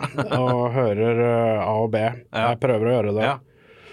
Og mens nå Spotify, når stiften har røket, så er det en helt annen verden. Da er det jo sappe. ja, man blir så jævla utålmodig med den skippinga. Ja, det er sk- men samtidig får man Altså, man, i hvert fall, Jeg er en fyr som leter etter musikk, og Ja. for meg så er det utrolig kult å bare hoppe fra det ene til det andre og, og dykke ned i ting Og så bare spille kanskje to minutter, eller ett minutt av en låt og tenker nei, faen, det her var ikke noe, og så videre til neste, og så oi, faen, hva er det her? Så det er jævlig spennende, syns jeg. altså. Mm. Ja, ja. Sånn kan jeg sitte hele, hele kvelder alene, ikke sant? Men så fint med en sånn, eh, med en sånn mancave, da. Mm. Har du noe sånn her Noe du syns er sånn skikkelig sånn jævlig Hvis jeg skulle liksom torturert deg med musikk her- For det høres ut som du har ganske stor toleranseterskel for er, Men er, er det noe du overhodet ikke Altså du tenker du bare må slå av, som er for for vrient? Ja, sånn 90s party-mix-greier. det ja. Altså, 80-tallet var jo ganske forferdelig, men der begynner jeg å finne masse gullkorn nå i, i ettertid, og kanskje det skjer med 90-tallet, men jeg ser på 90-tallet som eh, ganske forferdelig musikk. Og Helt til grunchen kom, da, selvfølgelig. Ja. Jeg syns det var bra, det er mange som hata det òg. Nei, jeg var veldig, veldig glad i-. Mudhoney spesielt. superfan av Mudhoney. Jeg elsker Mudhoney. De, og de Ah, har jo egentlig alle slutta å være bra. Helt enig. Ja, fy faen, Hva, hva er favorittskiva di med Mudhoney? Det er det første skiva. Superfuzz Big Muff. Riktig. Ja, den tolvtommeren. Den er ikke er en fugl. der er det bad fuzz-gitar. Ja, fy faen, den er den, Touch den, Me I'm Sick. Ja, som egentlig er bonusspor på den, som Uff, kom på en singel. Det, det, det er jo debutsingelen deres. Ja, det er helt. B-sida er Sweet Young Råere Thing and først, Sweet. først får du ikke. Altså råere gitarlyd. Det helt- klarer du aldri å Det er ingen som klarer, kommer til å klare å skape noe kulere gitarlyd enn på Touch Me I'm Sick, altså. Ja, det er 1988 eller 89 80, Nei, 1988 kom den. Ja, ser du, så tidlig, ja. Sykt bra singel. Og, og, og på B-sida er det den der Sweet Young Thing Ain't Sweet No Ja, More. fy Som også er så faen, bra at det er helt uh, vilt bra. kontroll bra. Jeg, det er jo sprøtt at ikke dem eh, ble like store som Nirvana. Er Altså, Jeg så, det. Jeg husker han, han eh, var, det, var det Morgan Mikkelsen, han heter trommisen, som spiller på Ghost of Love? Riktig Morgan, ja. Ja, han husker jeg hadde Mudhoney-tatovering på ja. armen sin. Han var veldig fan av det. Ja. så det var litt eh, kult. da. Konserter, som du har spilt uh, djevelsk mye konserter uh, sjøl, men hva, hva er den eh, Hva er det kuleste du har sett live sjøl, hvis du skulle liksom grave i arkivet ditt? Jeg skulle likt å stilt deg det samme spørsmålet, fordi Mm. du har sikkert sett 100, kanskje 1000 konserter. Jeg, jeg hadde regna på det. Jeg, jeg har funnet at jeg hadde sett litt over 3000 Åh, konserter. scheisse. Ja. Ja, så du er mye mer bevandra enn meg. Og jeg tror ikke du går på hva som helst heller, eller? Ja, jeg går på mye mer enn bare favorittbandet mitt. Og Jeg tror jeg vet hva det beste jeg har sett er, ja, men det vil, vil forandre seg fra, fra gang til det, gang. er, men det er utrolig vanskelig å si Ja, det er jævlig vanskelig. akkurat hva var det beste. Men er det noe du vil trekke frem som spesielt minneverdig? Har du sett noen sånn type avdøde legender? Du, du sa jo både Lee, eh, og Nancy, da. Har du, har, har du sett um... Ja, jeg har sett Johnny Cash. Og, hva- eh, turné var det? Eh, Det, ja, det var med sønnen hans og hun kona. Å, var det Oslo konserthus, det? Yes. 1998. Var du der, eller? Nei, jeg husker det var 1998, og jeg hadde jævlig lyst til å dra. For Ja, jeg var ja, fan av Cashy fra fra Broren min dytta det på meg allerede på 80-tallet. Men så skulle det være sånn Family Gathering-opplegg. Det var Ja. som han, han skulle spille Det var veldig Altså, det var litt kjipt at han kom inn liksom en time etter konserten var begynt. ut i konserten, Først så var Det det, sønnen og så kona. Altså, det var bra, men Ja.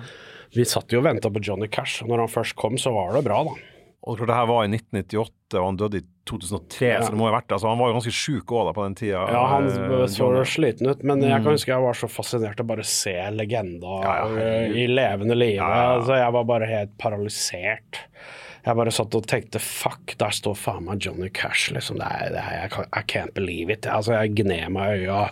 Faen, han står rett foran meg og synger. Ja, altså, det Jeg skjønner det. Altså, det, er ingen, det er ingen tvil om hvem som gjorde den rette avgjørelsen. Eh, Du dro og så Johnny Cash, jeg valgte å ikke dra. Men det hadde også litt med på den, Han har spilt i Tromsø, så jeg skulle dra og se det. Ja. Men det var jævla dyrt å reise. Jeg Ja, reiste ja, jo sinnssykt mye ned, og det reiste jeg Det går helt i orden, Egon. Det er bra, du du, du- du tilgir meg, ja. Jeg tilgir deg. Men, men, men eh, jeg vil tro også at um, eh, Siden du var i Oslo på den der Lee Hayswood, High Lamas, Ja. Oslo konserthus igjen. Ja. Jeg snakka med masse musikkentusiaster etterpå, etter konserten, og flesteparten var skuffa. Og jeg bare tenkte faen, var dere på samme gig som meg? Fordi jeg syntes det var helt fantastisk. Altså, High Ja. Lamas sto der med hver sin eh, synthesizer.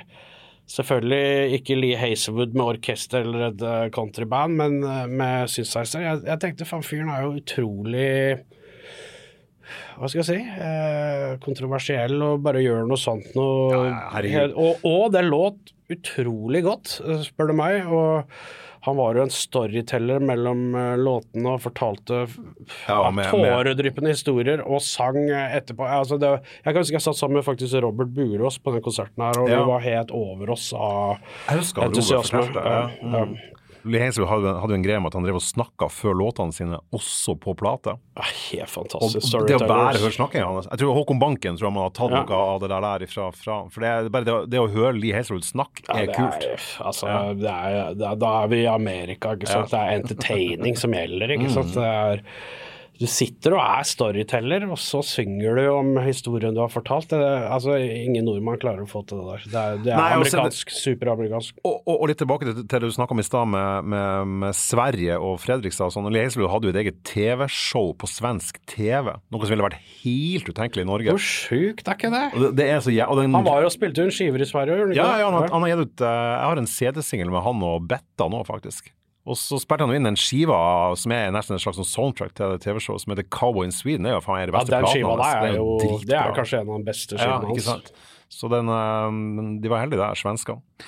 Eh, men, tenk på, altså, du, du, du var jo også mye i det, i det klubbmiljøet på, på sent 80-, tidlig 90-tall, siden du er like gammel som meg, eh, i Oslo på den tida der. Og det var jo også en sånn her eh, en periode hvor det var Det å se konserter i Oslo var litt sånn farlig, på en, altså på en kul måte. Altså De tidlige tingene med altså, Lysorama og Turboneger Livsfarlig. og, livsfarlig. og Devil Dogs og de amerikanske bandene som kom, og det, det var altså, Du måtte ha guts for å gå inn på sånne konserter Det var kult, på altså. 90-tallet. Ja. Altså, du måtte ha guts for å gå inn døra.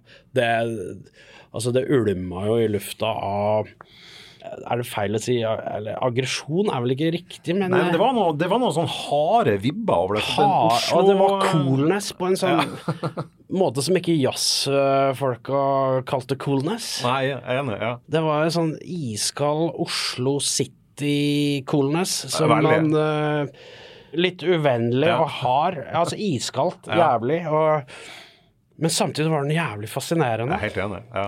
Jævlig fascinerende. Voldsomt. Med Rockall og Last Train og de, Å, fy små faen. der. Ja, ja, Ja. Det, og jeg husker jo Jeg tenker spesielt på Løstorama, altså den første konserten jeg så i Oslo på Rockhold. Og, og da tenkte jeg liksom Altså, det her er lyden av Oslo, selv om det var jo et masseband. men akkurat, Ja. altså, det, ja, da var det jo det- Oslo, var det Oslo-folk òg. Det var Det var det iskalde soundet, og så kom jo selvfølgelig Turboneger. ja. Det er vel kanskje den beste konserten jeg noen gang har sett. Det er vel på Last Rain. eh, på Last Apocalypse ja, ja. Dudes, uh, akkurat når de drev og slapp ja, det vel det det er bilde av inne på Last Rain, faktisk. Helvete Ja. for en konsert, altså. altså det, den kommer aldri, altså det er den mest skremmende og cooleste jeg har vært med på i hele mitt liv. Det var faen meg Det var farlig, og det var kult. Og det var Altså, kulere får du det ikke. Det, det mener jeg. Og så tok det jo veldig veldig kort tid etter det, så var det jo eh, Så, så penetrerte jo undergrunnen og kom opp i mainstream med nettopp den plata òg, som jo Ja. en event veldig Vel fortjent. Altså, det er jo, jeg syns det er kanskje en av verdens beste rock'n'roll-skiver eh, den dag i dag. Helt, uh, helt enig. Jeg tenker på, på, på en ting med, med, med hvordan du jobber med musikk, Trond. Så, så er det en, en ting som er, som er litt sånn atypisk uh, med deg, og mange, sammenlignet med mange, mange andre jeg kjenner, og det er hvordan du skriver tekstene dine. For der har du, på, på Slow Mo Suicide så har du skrevet alt sjøl, har du ikke det? Bortsett fra én låt. Hvordan låt er det? Det er You Gonna Get It Up The Ass. Oh, ja. Hvem har skrevet den sammen med? Det er Christian. Så han kom inn i, i å si Eller han gikk jo over grammatikken, og så mangla vi tekst på en låt. Uh, Ja, og jeg og Alex hadde på en måte kommet opp med den tittelen. Det høres veldig dokker ut, ja. Ja, så det var litt sånn eh, eh, Altså, tittelen skulle indikere at på et eller annet tidspunkt så vil du få svi for dine synder, liksom. At uh, det er altså karma, da. Det var det Ja. vi tenkte med, med den tittelen, at you gonna get it up the ass uansett hva du foretar. Altså et eller annet sånt noe. Og da skrev Kristian eh, utrolig bra sånn type oppvekst uh, Hva skal jeg si? Serenade. Ja. Med en så vanskelig tittel å gjøre noe på. Jeg, altså, du kjenner låta, kanskje? Bor, bor paven i skogen? Er elgen katolikk? Eh, eh, ja, selvfølgelig kjenner jeg låten kjempe. Jeg kunne begynt å synge, den men det vil jeg ikke altså, Da skjønte jeg jo at i hvert fall han var eh. Eller, altså, at, Det var jo vennen min, altså Christian, men at han kunne skrive så gode tekster, det er bare shit. At du klarer liksom å lage en oppvekststory på, på en og- sånn tittel. Og, og, og det må jo sies, så han, han Christian du, du nevner her, det er jo Christian Blum, som for veldig mange er, er kjent som tegner. En prisbelønt, jævlig god tegner. Tegner lenger lenge for VG. Uh, ble jo internasjonalt kjent for den Trump-tegninga si, der Trump river ned en sånn jordklode. Dritflink. Uh, så det er jo han Christian vi her snakker om. Ja. Uh, men for meg så er han først og fremst knytta til Ricochet, da. Og, og, og han eh, han eh, eh, skrev jo også tekster i lag med deg da Ricochets ble oppløst, og du starta eh, Navigator, som du da starta etter Ricochets. Mm. Eh, så han, og han er med da nå igjen, når du har gjenforent uh, Ricochets. Så han, Christian er da en, en viktig fyr for deg i, i din, eh, i din uh, måte å lage musikk på, da. Å ja, absolutt. Uh, han skrev jo også tekstene på den norske Skulle akkurat si det, den, den, den, den selvtitulerte, Så- den, den du ga ut under eget navn. Ja. Mm. Da var det liksom kommet til et eller annet punkt hvor uh, med, Altså når vi skrev de norske låtene, så var det jo sånn at han på en måte spurte meg om kan vi gjøre noe på norsk. Ja, faen, Ingen, ingenting hele tiden, ja. Så det, det, det, det er ikke at du må ha hjelp til engelsk, men at du får hjelp til tekstskriving. Tekstskriving Per- per- per def, ja, ja. øh, øh, jeg, jeg, Altså, jeg syns han er en bedre tekstforfatter enn det jeg er. Ja. Ikke det at jeg ikke står for det jeg gjorde på Slow Mo Suicide, men jeg føler at Jeg syns han er en bedre poet enn det jeg er. Men han der Bukowski-forfatteren som dro til Eller forfatter Spira, da, som dro til, til Bergen. Eh, kjenner du noe Kjenner du noe at han ligger under huden på deg fortsatt? da? Ja, litt. Altså, Ja. det er fortsatt, jeg er fortsatt med i tekstskrivinga. på Ja, for det var det, det var det jeg prøvde å røyke ut av deg. Ja, du, du, ja, du, du, er, du er, føler deg involvert liksom, i tekstskrivinga. Ja, ja, ja. Altså, når jeg sitter og lager låter, så kommer det jo punchlines. Sant? Kanskje refreng. ja. Kanskje en story eller eh, et bilde på hva det skal være. Og så, og så jeg, og Christian er såpass gode venner, så vi kan sitte og prate om det. Akkurat som jeg og Alex satt på puben og prata om åssen vi ville at Ricochet skulle låte. ikke sant? I teorien, nesten. Ja, ja, ja. På samme måte så jobber jeg og Christian. Da. Altså, vi, sitter, vi bruker mye tid på å sitte og prate om Og det er ikke svulstig prat, det høres kanskje sånn hvis man sitter og skal liksom prate tekst. Det er ikke sånn der pretensiøs Nei, det er ikke eh, sånn kollokvieseminar. Nei, det er ikke, eh, ikke, nei, sånn, nei. eh, ikke sånn i hele tatt. Det er bare ja, en vanlig hverdagslig talk. som Men er han opptatt av, hvordan låten skal høres Eller vet han hvordan den skal høres ut, eller er han kun på det lyriske? Nei, altså han får jo skisser fra meg på kassegitar. ja. ja. Med shabla-engelsk. Ah, med tulleengelsk! Tullengelsk, rett og slett. Ja, altså litt ordentlig engelsk òg, Ja, ja. og kanskje de linjene som jeg tenker kunne vært gode å hatt med da. Og så bygger han da teksten på det, ikke sant. Fantastisk. Jeg husker han, jeg snakka med han Alex, og han, han, eh, hvis jeg husker rett, da altså din, din kumpani i Ricochets, uh, og, og Cream Babes, så mener jeg jeg husker at han, han sa at hele den Ghost of Love-plata eh, fantes i, i sånn kassegitar-opptak. Ja. Alex var jo utrolig glad i kassegitaropptakene mine. Ja, for det, de, har jeg, de har jeg kunnet drept for å få det hørt. Altså. Finnes de? Åh, nei, men det er jo med sjabla-engelsk, ikke sant, så det Jeg har er ikke gjort noe med noe. Kunne, altså, du, kunne vært, du kunne, du kunne ha sunget på kinesisk. Alex ville jo egentlig produsere dem, han, han mente på at uh, Men uh, han mente på også at vi kunne gjøre garasjerock og rock'n'roll ut av det, så Ja, men herregud, altså på, på den her hyllesten til, eh, til Jokke, ja. så gjør jo bare du og Alex ja, da gjør vi en sånn, sånn Den låten som du faktisk skulle sett på da du rev ned alle platene mine. Var det det, Eh, da? Var det det? Jeg skal spille min egen musikk? Nei, nei, du, nei, du skulle, du skulle Ah, spille nå nederlag med, med, lure, med, ass. Nå begynte jeg å lure Nei, at jeg var så ivrig, så jeg rev ned aldri- for å spille min egen sånn- musikk. Det hadde vært forferdelig. Det hadde vært Nei, forferdelig. nei, nei, du var mye mer anstendig enn som så. Ah, okay, men, men den låten gjør jo dere akustisk. Jeg, jeg syns det er et av de beste opptakene som er gjort av deg og Alex, altså inklusiv alt med Ricochet. Den versjonen her av Nederlag er jo mye bedre enn originalen. Uh, og jeg elsker originalen. Og, og da synger du som om det står om liv. Men det har, det har litt med altså, måten det blir spilt inn på. Alex hadde akkurat fått seg en sånn båndopptaker, Ja, så vi bestemte oss for å legge vokalen på bånd. nettopp, ja. For det låt det Derfor fantastisk. kommer den her litt sånn dype Ja, den låt helt latterlig sånn bra. dyp og sånn, eh, sånn overstyring som du får på 60-70-tallet, ikke sant. Ja. Så det er mye av grunnen til at i hvert fall vokalen fungerte veldig bra. Så bestemte vi oss for å bare legge tamburin og gitar da, og gjøre det veldig enkelt. Det var, det var en og- og veldig fu- munnspill. fu- fuktig aften, bare for å si det sånn. Jeg kan Med- huske vi hadde seks timer på oss Ja. til, å, til å gjøre noe. Altså, vi hadde ikke øvd eller noe. Det var Påsan som sa dere har seks innpå. på det. Vi var først i lokalet hos Påsan. ja. Uh, produsenten til Jokke, ikke sant? Ja. Eller lydteknikeren. Og, og han sa at Alex sa nei, faen, jeg har fått den der, kan vi stikke opp i øvingslokalet og spille den der? Og Påsan sa ja, greit. Men dere har seks innpå på dere, fordi det her skal vi trykke under. så vi dro opp der og kjøpte noen sixpacks, og, og så ble det det resultatet. Da. Det var litt artig. Fantastisk. Vi var ganske fornøyd med det. De som hører på nå, jeg, skal, jeg, jeg lager jo ei spilleliste hver gang med, der jeg tar med alt av musikk som vi nevner i løpet av sendinga. Der skal jeg få lagt inn um, Får jeg lov til å ta med det italienske diskotinga, eller? Ja, men hvis du sier, gir noen bra titler etterpå, skal jeg ta med det også. Ja, Der skal jeg også legge inn den nederlagversjonen. Og jeg skal også Jeg tror faktisk jeg skal ta legge ut uh, en Cream Babes-låt på Yes, skal, kult. Out of skal- the blue. Jeg skal ta skal jeg laste den opp, og så skal jeg legge den ut på YouTube sjøl. Og så skal jeg legge den ved i den saken, eh, for at det, den mener jeg folk bør, bør få høre. Eh, til slutt bare synes jeg det, det, det, det som har vært artig med, med, med Ricochets, er at dere har på en måte eh, For nå er dere tilbake. Du, har gjort, du har gjort ei plate med, med Valen Tourettes. Alt på en gang. Kjempe, kjempefin plate. Eh, liker den kjempegodt. Eh, du har gjort ei soloplate under eget navn, og har, og så har du gjort da to kjempebra plate med Navigators. Jeg syns Navigators er litt underkjent. Jeg var jævlig glad i det bandet, både live og, og på plate.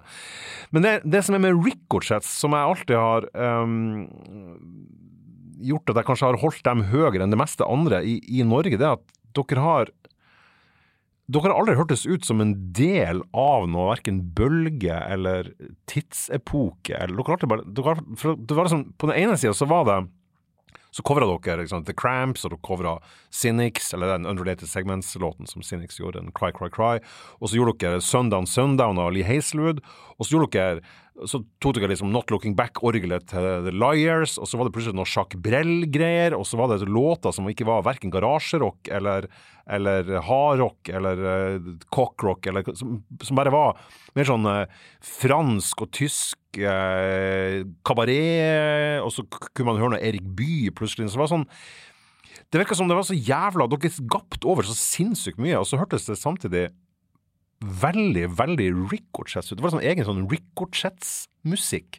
Og det her har jeg aldri fått spurt dere om, egentlig. Var det, en, var det en idé bak det, eller var det bare sånn art by accident? Uh... Ja, jeg skjønner hva du mener. Um, Det er jo veldig kult for meg nå å si at nei, selvfølgelig her var det her jo bare Det her er jo så uttenkt som det kan få blitt. Det er ikke noe som er tilfeldig her. Ja, jeg tror faktisk altså, det er, det er ikke så mye tilfeldig. Ja, vi Men én ting er i hvert fall helt sikkert, at vi altså allerede fra den tida vi var i Moss og og Oslo tidlig på 90-tallet at vi sugde til oss inspirasjon fra andre norske band. Og nesten kopierte her og der. Og også uh, sikta mot sånne kjempestore artister som Nina Simone og og, og Lee og sånne Ja. ting, da, og, og blanda det her. Men vi ville ikke være Vi, vi var for veldig bestemt på at ikke vi skulle være et typisk eh, Hva skal jeg si cockrock, punkrock. Nei, altså helikopters Lucifer, uh, Turbo ikke, de et, ikke et vondt ord om Skandirocken. Jeg, jeg, sånn, elsker de altså. bandene. Ja, Ja, ja, men, jeg jeg men husker dere, dere skilte dere veldig ut fra dem likevel. Ja, nei, vi hadde litt sånn derre Alex var jo veldig opptatt av franske ting. Ja, ja, ja. og, men jeg også likte de tinga her. Jeg likte liksom Scott Walker og ja, og Jacques Brel og alle sånne ting. Men det var veldig kult å liksom blande inn det her eh. Det var på en måte Det var punken vår, da, skjønner ja, det var fingeren oppe Det var til, fingeren, ja. å liksom gjøre ting som var totalt ulovlig i rock'n'roll. Ja, for det er litt artig at det som da ikke ble regna som uh, punkrock, var det dere gjorde til deres punkrock. Ja, på en måte. Vi, og det var liksom å gjøre ting som ja, som på en måte Eller vi gikk vel vi, Altså, vi var sånn. Altså, vi satt jo og hørte på, på sånne type plater. Ja, det husker jeg når, når dere var hjemme hos meg, så, så var det ja, Og så var det mye, var det mye også sånn uh, Johnny Thunders og som han, Ja, men også mye sånn som ikke Altså mye ting som ikke hadde credibility da, på den tida der. Vi hørte mye på det, og veldig glad i sånn romantisk drit, da, hvis man kan kalle det det. Som eh, på en måte passa litt inn i i Ricochets-landskapet, da. Mm. Så Jeg føler, jeg føler at det er en sånn diger gryte der med, med jævla mye rare ingredienser. Sånn, og det som kommer veldig ut der, veldig mye, veldig mye rart. eh, Spesielt med, på vokalsida, så Ja. inspirert av veldig mye merkelige greier. Eh, Jeg må bare spørre deg helt avslutningsvis når det gjelder vokalen din. Um, n- det jeg var mest engstelig for når det gjaldt comebacket deres, det var jo at ikke du skulle ha uh, trøkken i lungene dine lenger. For vokalen er det første som merkes på alle, da. Du har jo sånn soul-shouter-stemme som f.eks. Altså Rocky Eriksen og Van Morrison og Eric Burden uh, hadde. Og jeg så dere på, på Blårock i går, og, og, og har jo hørt på plata, og den, den er jo faen meg helt intakt. Hva er greia? Er du, er, og etter en sånn konsert, er, er den like bra dagen etterpå, sånn som i kveld når du skal spille? Kommer det til å funke da? Det er liksom null garanti, måten jeg synger på. Altså, det er jo screaming, som du sier. Og, Virkelig, ja. og i går så tok vi det jo skikkelig ut, så jeg er jo hver gang veldig nervøs for at han kan ryke. ja. Den har gjort det én gang. Eh, veldig tidlig eh, i karriera, hvis vi kan kalle det det. og da, det var på So What en gang, kan jeg huske. Og. Plutselig så sa det bare snap, og så var det ikke noe stemme. eh, På Fauske en gang òg. På, Fauske uten, Ja, å ja, uten så det har vært flere ganger? Ja, ja, det var, det var, for det var dagen etter jeg ordna der eh, maskin fra sykehuset. Har du flere år, eller er Nei, det sånn at det skjer titt og ofte? Nei, det var, det var, det? var, men så ble jeg med dere videre på turneen, da. Og så spilte dere i Bodø, eh, og da, da funka fortsatt det der apparatet. da. Og så dro dere til Fauske, der jeg er fra. Og da tok han Alex over vokalen på et par av de låtene. For det var ingenting igjen. Det kom, ikke, det det? kom nesten ikke et pip ut. Å, fy faen, nå begynner jeg å grue meg for det. Det, Nei, men du det, sitter, det du sitter jo her og snakker, Trond, så det er jo Nå masse stemme. kjente jeg Nå Det er jo masse stemme. syns jeg stemmen høres litt rar ut Nei, jeg syns den høres jævlig kul ut. Har eh, Men Fauske også, er det i nærheten av um, Beiarn? Ja, det er ikke langt unna. Det ligger i en region som heter Du vet at jeg er fra Beiarn? Er du fra Beiarn?! Yes. Og det sier du nå! Det sier jeg nå. Eller mora mi, da. Mora mi er fra Beiarn. Når jeg kjente deg Jeg tror jeg kjente deg i jeg kjente deg i over 20 år, Ja, og først nå får jeg vite at, Er ikke det kult? at Nancy Sinatra har sittet på fanget ditt, og du er fra Beiarn. Vet du hva, Egon, jeg tror kanskje vi er i slekt. Fy faen. Ja, tror du ikke det? Tror du ikke det? Jo, jeg, jeg er helt overbevist. Jeg syns du ligner litt på meg når jeg ser litt ja, nøye på deg. vi er som to dråper vann.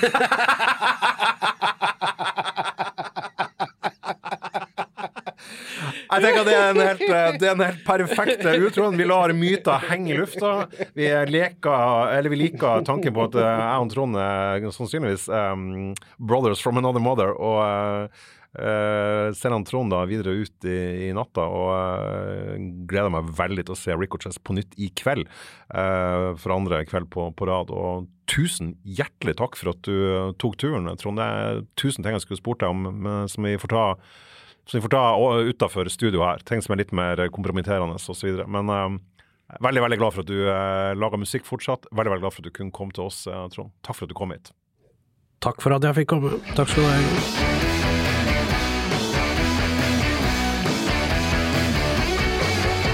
Feedback er en podkastserie fra avisa i Tromsø. Produsenten for sendinga var han Svein Lian, og jeg heter Egon Holstad. Husk også at vi lager spilleliste der all musikken som nevnes i sendingene legges til. Og de finner du på hjemmesiden til Tromsø i feedback-seksjonen, der du også finner anmeldelser av plater, anmeldelser av konserter, samt intervjuer, liste og masse annet aktuelt musikkstoff.